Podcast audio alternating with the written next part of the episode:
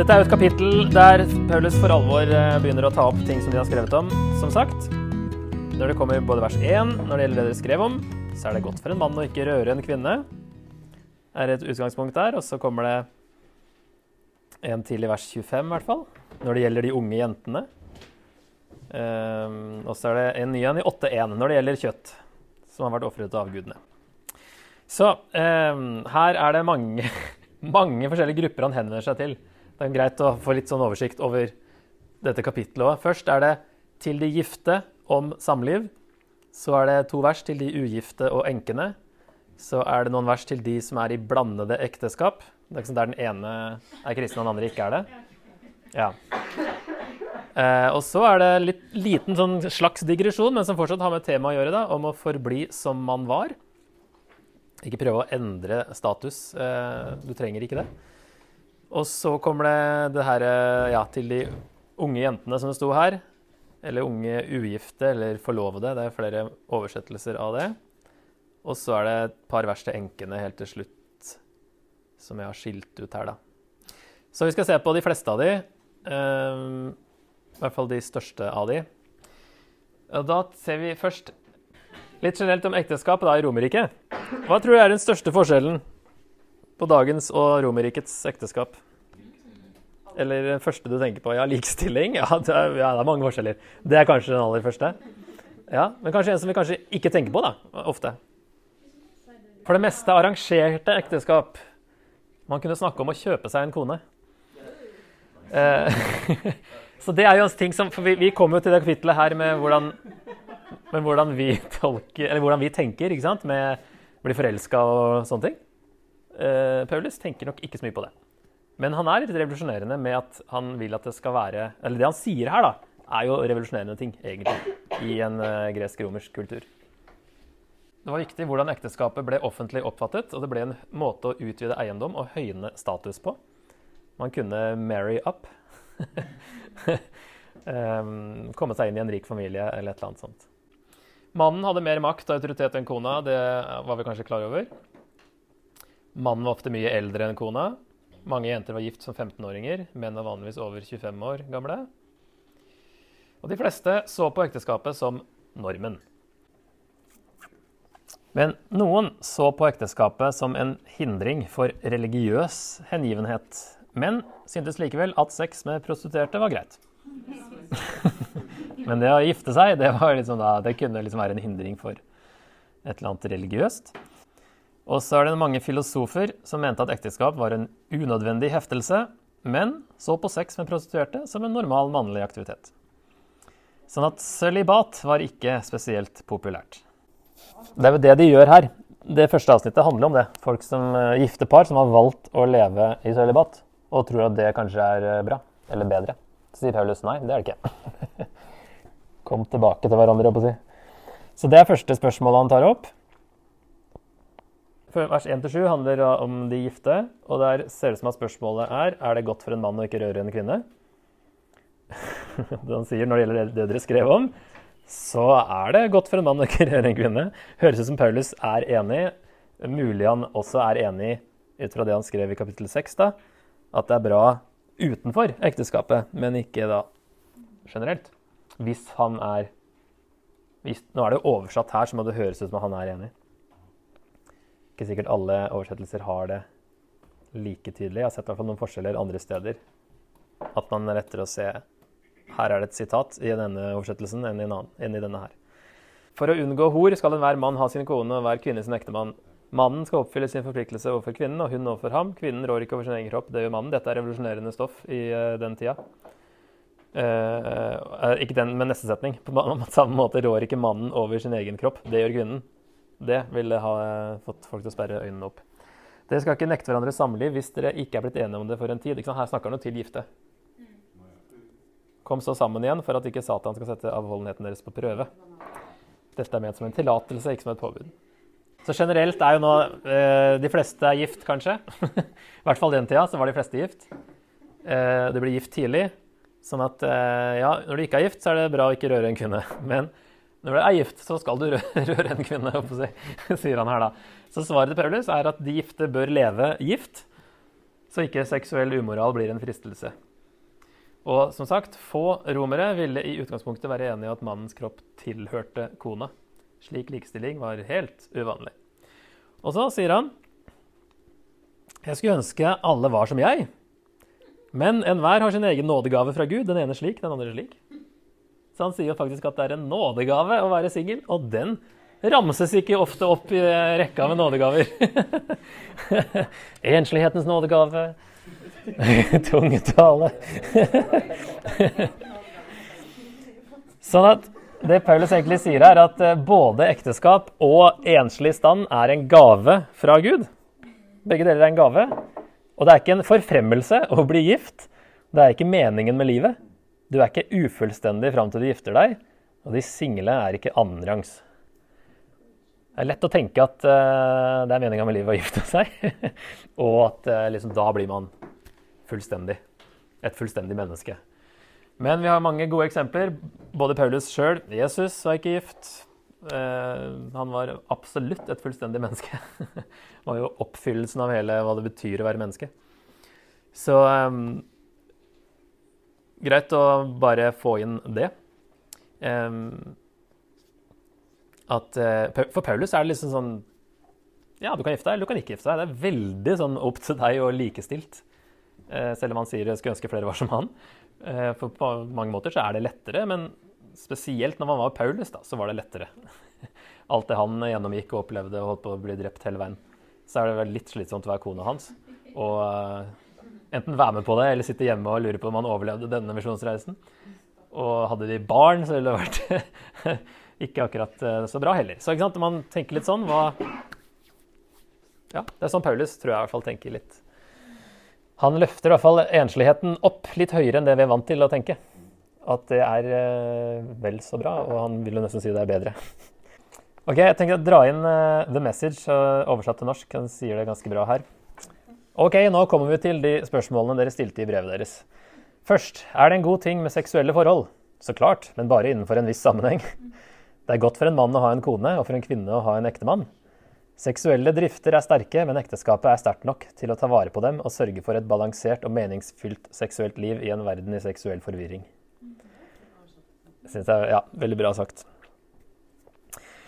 Så kommer vi da til eh, de som er i sånne blandede eh, ekteskap. Eller først tar han ugifte og enkene i vers 8 og 9, men jeg tror vi hopper over det. Det kan dere lese sjøl, da. Da sier det ganske greit. Um, men fra vers 10 så begynner han å snakke om, uh, om skilsmisse og sånt. Og da tar vi ta litt historisk bakgrunn om skilsmisse i Romerriket. Det var faktisk til tider det vi kan kalle Hollywood-tilstander. Det var altfor vanlig i de høyere samfunnslagene å skille seg. Sånn at uh, noen uh, ble liksom Noen kalte det at man uh, gifta seg for å skille seg, og skilte seg for å gifte seg igjen. At det var liksom sånn det gikk i da. Så det var veldig vanlig. Og når Jesus snakker om dette her i Matteus 19, er det vel, så, så, så løfter han det ganske høyt opp og sier at det er bare hor som er, et, som er en gyldig grunn til å skille seg, altså utroskap. Og så spør disiplene bare What? Hvem kan da gifte seg? Hvis det liksom er bare det som er unntaket. For de, var jo vant til altså, Det her var en debatt på Jesu tid eh, mellom noen rabbinere. Eh, to liksom camper på det. Der den ene campen var veldig liberal og mente at For de tolka et vers i Mosloven der det står at hvis eh, mannen finner noe som byr ham imot hos kona, så kan han skille seg. Gi henne skilsmissebrev. Hva er dette som byr ham imot? Og så var det da den liberale campen ville dra det helt til at hvis hun svir middagen, det er nok. For det byr, byr meg imot. Da er det skilsmissebrev. Mens Jesus er jo den andre campen og sier at eh, nei, det, det er ikke grunn nok. Men disiplene var tydeligvis vant til å tenke at man kunne skille seg for mange flere grunner da, enn det Jesus kommer med. Um, det var ikke noe offentlig juridisk handling nødvendig for å oppheve ekteskapet som vi har i dag, da, skilsmisse, skjedde vanligvis når mannen sa 'ta tingene dine og gå'. Eh, forfatteren Plutark, som levde der litt senere enn eh, Jesus og Paulus, antydet at det var feigt ikke å skille seg når man hadde en dårlig kone. Da var det liksom det man skulle gjøre. Kvinner i Romerriket kunne få skilsmisse like lett som mannen. I jødisk kultur bare i ekstreme tilfeller, men det ser ut til at jøder utenfor Israel fulgte romerske skikker. At det da var eh, Kvinnene kunne også gjøre det, men var man ikke rik, høytstående kvinne, så ville man jo ikke gjøre det og bli overlatt til seg sjøl. Eh, men hadde man eh, penger, så kunne man kanskje være friere til å skille seg. da. Romersk lov krevde skilsmisse ved utroskap, faktisk. Da måtte man skille seg. Så det Noe som er likt, og andre ting som er litt ulikt. Men eh, det var i hvert fall eh, ofte skilsmisse, da. Så her kommer vi da til de i blandede ekteskap. Der spørsmålet ser ut til å ha vært hva om man har blitt kristen etter man var gift, og nå er gift med en ikke-kristen? Så oppsummerer Paulus først hva Jesus sa om skilsmisse i Matteus 5 og Matteus 19, i vers 10 og 11. Til de gifte har jeg dette påbudet, ikke fra meg selv, men fra Herren. Så nå siterer jeg Jesus. En kvinne skal ikke skille seg fra mannen sin, men hvis hun likevel skiller seg, skal hun leve ugift eller forlike seg med mannen. Og en mann skal ikke skille seg fra sin kone. Det er liksom hovedparagrafen når det gjelder skilsmisse. Ikke skill deg. Sant? Hvis du skiller deg, så eh, skal du da ikke gifte deg med noen andre, enten leve ugift eller forlike seg med mannen. Og det samme gjelder da eh, mannen til slutt her. Forlike, altså hvis det er uenighet eller et eller annet. altså komme sammen igjen, da. Bli forent. Når Jesus blir spurt om skilsmisse, så henviser han til Edens hage for å se hva Guds vilje er. Det var meninga at det skulle være en mann og en kone, f.eks. Ekteskapet er noe Gud har innstifta. Det er jo vers vi leser i vielsene fra 1. Mosebok 2. Så skilsmisse er i utgangspunktet ikke etter Guds vilje. Um, og så gir Jesus unntaket hor, sant? Eller skråstrek utroskap. Um, da er skilsmisse uh, gyldig uh, når Jesus snakker til jøder i sin kontekst. Mens her tar Paulus da opp et problem som Jesus ikke nevnte, fordi han snakka kun til jøder i Israel. Her er det da hva om man er gift med en hedning, plutselig. Mest sannsynlig da har man blitt kristen, ikke sant? og begge har ikke blitt kristne, bare den ene. Og kanskje noen hadde tenkt at de måtte skille seg da, kanskje pga. det Paulus eh, har sagt i Han har sagt tidligere her i brevet i kapittel 5 at skal ikke ha noe å gjøre med, med altså den lista. ikke sant? Avgudsdyrkere er i den lista. Er man en hedning, så er man en avgudsdyrker. Skal ikke ha noe å gjøre med avgudsdyrkere. Oi, da må vi skille oss, har de kanskje tenkt. Og så sier Jesus, nei, Paulus at uh, dette med at uh, den ikke-troende mannen blir regnet som hellig Ok, Han sier da, fra vers 12.: Til de andre sier jeg, dette er mine ord, ikke Herrens. Ikke Dette snakka ikke Jesus om. Her kommer mine ord. Det betyr ikke, det er ikke det samme som når han sier sin mening i vers 25. Den er mer spak. Dette er min mening.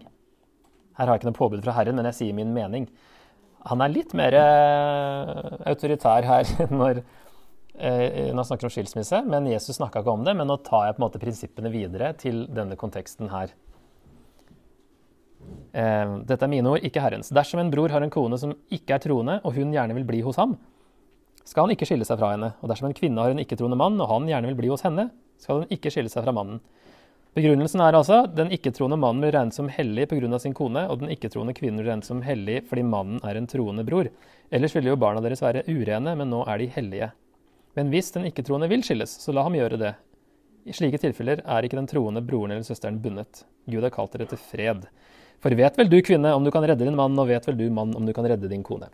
Så hellig må vi også definere litt. Men ordet hellig betyr ikke at resten av familien er frelst, hvis eh, ene forelderen er det. sant? Hellig betyr eh, bokstavelig talt bare satt til side.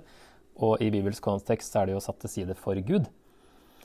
Og i vers 16 så er det jo Du vet jo ikke om den andre kommer til tro, om du kan redde din mann. ikke sant? Eh, men de vil være under innflytelse av evangeliet. Og derfor mener Paulus at det er bedre. Så svaret til Paulus er at det er bedre for ektefellen og barna at dere ikke skilles. For da er det i hvert fall da er det noe evangelie i nærheten av dem. Sant? Og det kan hende at de kommer til tro, eh, men du vet ikke det. Så hvis den andre vil skilles, så sier Paulus, da er det greit. Vi er kalt til fred, er prinsippet han da tar videre, eh, blant annet. At det ikke skal bli noe bråk av det. Så um, tar vi den litt videre da, til å snakke litt om skilsmisse. For det er jo det, det, han gjør her, at han kommer med et nytt unntak i forbudet mot skilsmisse, i tillegg til hor, som Paul, eh, Jesus nevner i Matteus. Og for så vidt i andre evangelier òg, Markus i hvert fall. Her kommer Paulus med et til. altså Hvis den ikke-kristne vil skilles, så er det, eh, er det greit å skille seg, sier han. Og nå var det også sånn at I Romerriket så ville jo barna automatisk gå til eh, faren. Så det var veldig dumt for de fleste, Det var mye kvinner som ble kristne, i hvert fall i uh, mange høyere samfunnslag. Uh, så det, var, det er ikke noe good move å skille seg fra en hedning og miste barna på si, og miste innflytelse over dem. Da. Så det gir jo mening, det Paulus sier her. Det var ikke noe sånn joint custody den gangen. Så da er spørsmålet hva med gjengifte etter skilsmisse? For vi har, vi har, to unntak, det er noe greit. Men hva da? Skal man leve enslig, sånn som det høres ut som i, i vers eh, 11? Leve ugift? Eller komme tilbake sammen med den man egentlig er gift med? Um, eller er det greit å gifte seg med en annen da, i disse to unntakene? er jo spørsmålet. Er det generelt, hvis man skiller seg for en eller annen dustegrunn, som ikke er en av disse to, da skal du leve ugift? Eller gifte deg igjen, si, med samme mann. Eh, men så er spørsmålet da er det det samme som gjelder når unntakene er nevnt av Jesus og Paulus, eller er det da fritt å gifte seg med en annen? Um, her er et bilde av Masada. Uh, og her har man funnet skilsmissepapirer. Fra, man har datert det til år 72, da, men det er jo da det i hvert fall senest da, for da ble det jo tatt. Og her står det Jeg, mann, skiller meg fra og frigir av egen vilje i dag du kvinne som har vært min kone før. Du er fri til å bli ektefellen til hvilken jødisk mann du måtte ønske. Dette er for deg et skriftlig frigivelsesdokument og skilsmissepapirer. Så i jødisk sammenheng så var det i hvert fall eh, Det sier ikke noe om grunnen her, men hvis man fikk skilsmissepapirer, så var man fri til å gifte seg med hvem man ville, men innenfor jødedommen da var man jøde. Så vet vi også at gjengifte etter en skilsmisse var en rett man hadde etter både gresk-romersk og jødisk lov, da, som vi ser her. Men også gresk-romersk var det en rett. Og når Paulus sier det her at eh, da er du fri til å Eller da, skal, da er det greit at dere skilles hvis den ikke-kristne vil skilles. Og så sier han ikke noe om 'men da må du leve ugift'. Når han ikke sier det, så er spørsmålet da ville en leser i det første århundret forstå dette som et generelt forbud mot gjengifte når dette var vanlig? Når Paulus ikke kommenterer det, så ville de fleste tenke at ja, men da kan jeg gifte meg med hvem jeg vil. Hvis unntakene er disse, en av disse to. Slike tilfeller er ikke den troende broren eller søsteren bundet til å Det kan forstås som da er det ikke bundet i ekteskapet, det er kanskje det han mener, tenker jeg, men da er det ikke bundet, da er du fri. Da kan du gifte deg med hvem du vil. Altså Spørsmålet er da det som ikke sies her. Og det vi vet fra kulturen, er at det var veldig veldig, veldig vanlig å gifte seg igjen. Og når Paulus ikke kommenterer det, så tenker mange at da ville korinterne forstått det som at da er det greit å gifte seg med hvem som helst. Det er jo sånn Når de diskuterer det med Jesus òg, så er jo det på en måte hovedparagrafen. Du skal ikke skille deg. Hvis du gjør det, lev ugift eller forlike deg med mannen eller kona. Og så kommer Jesus med et unntak. Ikke sant? Og da er jo, det er et unntak fra hovedparagrafen. At, eh, så da tenker man da Ja, betyr det Det er jo det der stridens kjerne er. si. Betyr det da at man kan gifte seg igjen? Eh, for det er to måter å lese det Jesus sier på, da, egentlig. Betyr det da at eh, man skal leve ugift eller forlike seg? Eller har man da frihet siden man har en gyldig grunn til skilsmisse? Mens i alle andre tilfeller så er det ikke en gyldig grunn.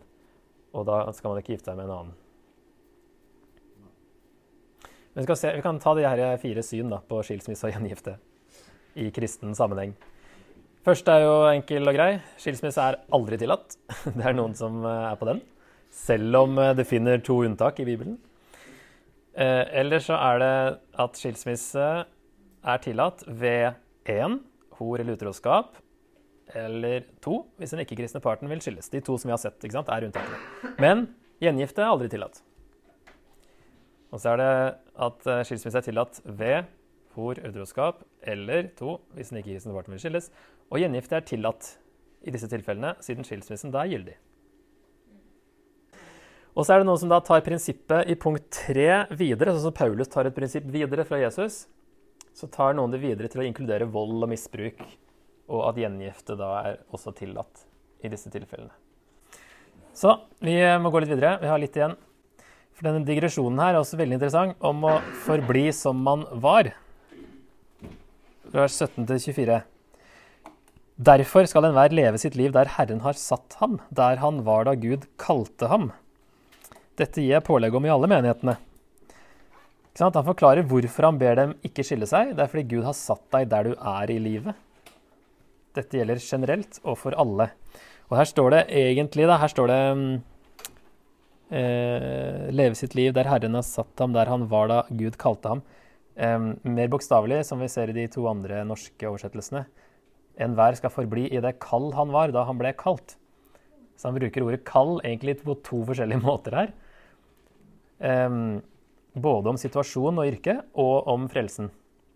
Han snakker jo om ikke sant, Var du eh, hvis, Om noen ble kalt som omskåret, altså som jøde, så skal du ikke prøve å forandre det. Om noen er kalt som uomskåret, skal han ikke la seg omskjære. Eh, og ble du kalt som slave, la ikke det bekymre deg, men kan du bli fri, så velg heller det. Eh, men enhver skal forbli der han var da han ble kalt, og være der for Gud, sier han til slutt. Så uansett posisjon i samfunnet kan man være der for Gud. Og slik blir enhver jobb kristen, kan vi si da. Om ikke selvfølgelig du er leiemorder eller prostituert, eller noe sånt. Da bør du kanskje bytte jobb hvis du kommer til tro. Men uh, utover det så er det ikke sånn at du må Oi, nå må jeg endre noe. Ikke sant? Nå, du er der for Gud. Og, um, og at uh, Derfor han sier nei, bare bli der du er. Der har Gud satt deg. Det er interessant. Så at Paulus sier jo ingenting at de må finne ut av Guds plan for livene deres. Guds plan for dem er at de skal bli der de er, og tjene, tjene Gud der. Det er veldig greit. Eh, så ikke, du trenger ikke å tenke så mye på hva du trenger å endre så mye. Så Paulus er i hvert fall ikke så opptatt av det. Han bare Nei, bli der du er. Bli i det ekteskapet der. Eh, bli i den jobben der. Eh, vær der for Gud, og gjør jobben for Gud. Relevante temaer i dag. så det er veldig spennende. Vi har to ting igjen her, bare. Um, det her 25 38, ganske mye av teksten, da, som gjelder de unge jentene. Eh, som også oversettes 'jomfruene', som er egentlig greskordet. Som eh, tidligere sto det 'de ugifte', og i en engelsk så står det 'de forlovede', eller 'the engaged'. Så det er litt sånn Hvem er det egentlig han snakker til? Noen som ikke er eh, helt gift ennå, i hvert fall. Eh, han snakker jo til eh, mennene lenger ned. Er du bundet til en kvinne? Men det gjelder liksom jomfruene. Det gjelder de unge jentene. Så spørsmålet er kanskje da, skal de unge jentene gifte seg når Jesus snart kommer igjen? i parentes, spørsmålstegn? Altså, er det, er det det som er grunnen til at de spør? I hvert fall så er det et eller annet de har spurt om da, med de unge jentene. For Paulus trekker jo inn uh, gjenkomsten her. Og her sier Paulus da at uh, når det gjelder det her, så har jeg ikke noe påbud fra Herren. Men jeg sier min mening, siden Herren i sin godhet lar meg være troverdig. Så Jesus snakket ikke om dette, men Paulus sier sin mening, og det gjør han ellers bare, nevner bare i vers 40, etter min mening. Altså at enkene ville vært lykkeligere om hun lever alene, etter min mening. Og jeg mener at også jeg har Guds ånd. og så er det i 2. Korinter 8.10, når han snakker om eh, sin mening da, i stedet for å befale dem til å gi penger til menigheten i Jerusalem. Så det er bare to ganger Paulus sier sin mening, og det er bare til korinterne. Ellers så henter han alt fra Jesus. Um, og forrige så så vi at han tar på en måte prinsippet videre, da. Uh, men siterer Jesus i starten, og så går han litt videre. Det Jesus ikke snakka om, men han mener at Eller han sier ikke at det, han mener det, men han er mer uh, påståelig der enn det han blir nå, virker det som. At nå er det min mening. Så det ordet kommer egentlig bare her. Så det er greit, for vi tror kanskje at uh, Paulus sier sin mening hele tida, men han, han, sier fra når, når, det er hans mening, og ikke anvendelse av Jesu ord, egentlig, inn i en, en gresk kontekst.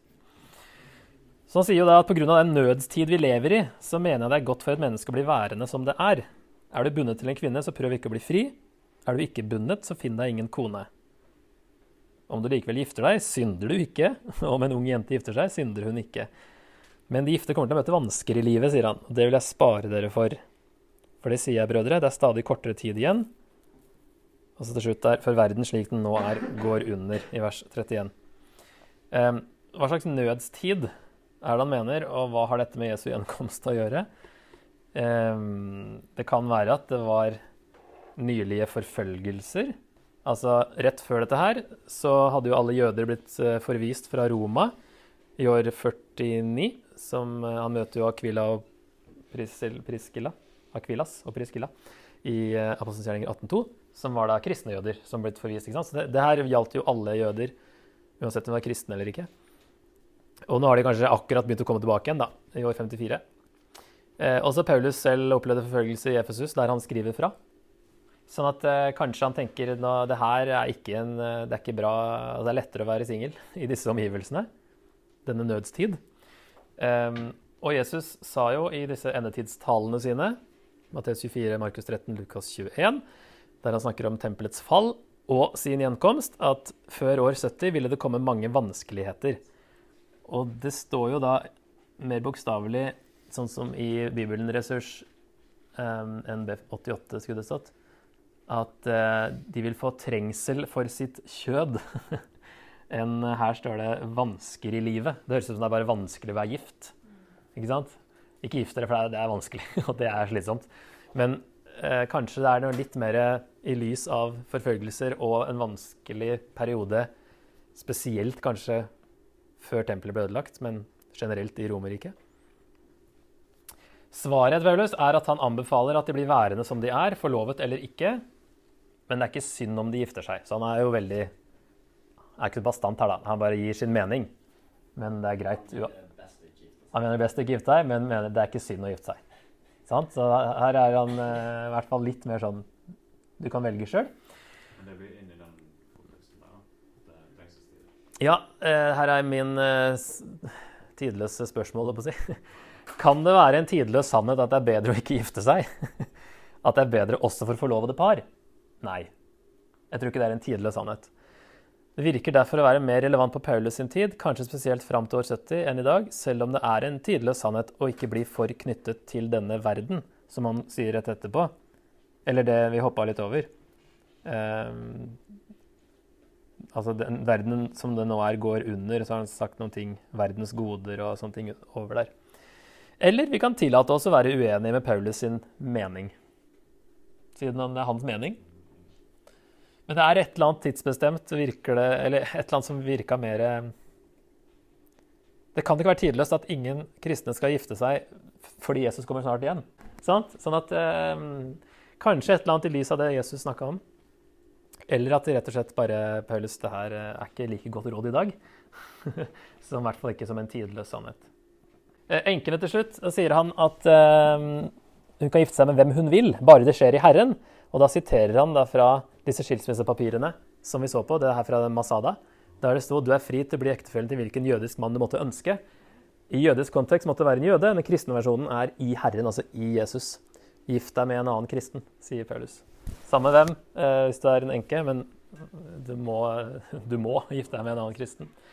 Hvis Paulus mener at enker og andre generelt bør overveie om de skal gifte seg i det hele tatt, ville han nok aldri anbefalt noen å gifte seg med en som ikke tror. Eh, selv om det her snakker om, om enker, da, så tenker jeg det, det tenker nok gjelder alle. At du gifter deg selvfølgelig med en annen troende. Og ikke, det blir i hvert fall vansker eh, av det hvis du Og i hvert fall når du får barn, så blir det enda vanskeligere hvis eh, du ikke er gift med en som en annen kristen. Det er forskjellig syn på oppdragelse, og er, plutselig vil ikke han gå i kirka, og så vil ikke ungene være med, og så får du ikke samme innflytelsen på dem. og sånne ting. Så jeg er ganske sikker på at Paulus ville sagt at uh, alltid i Herren.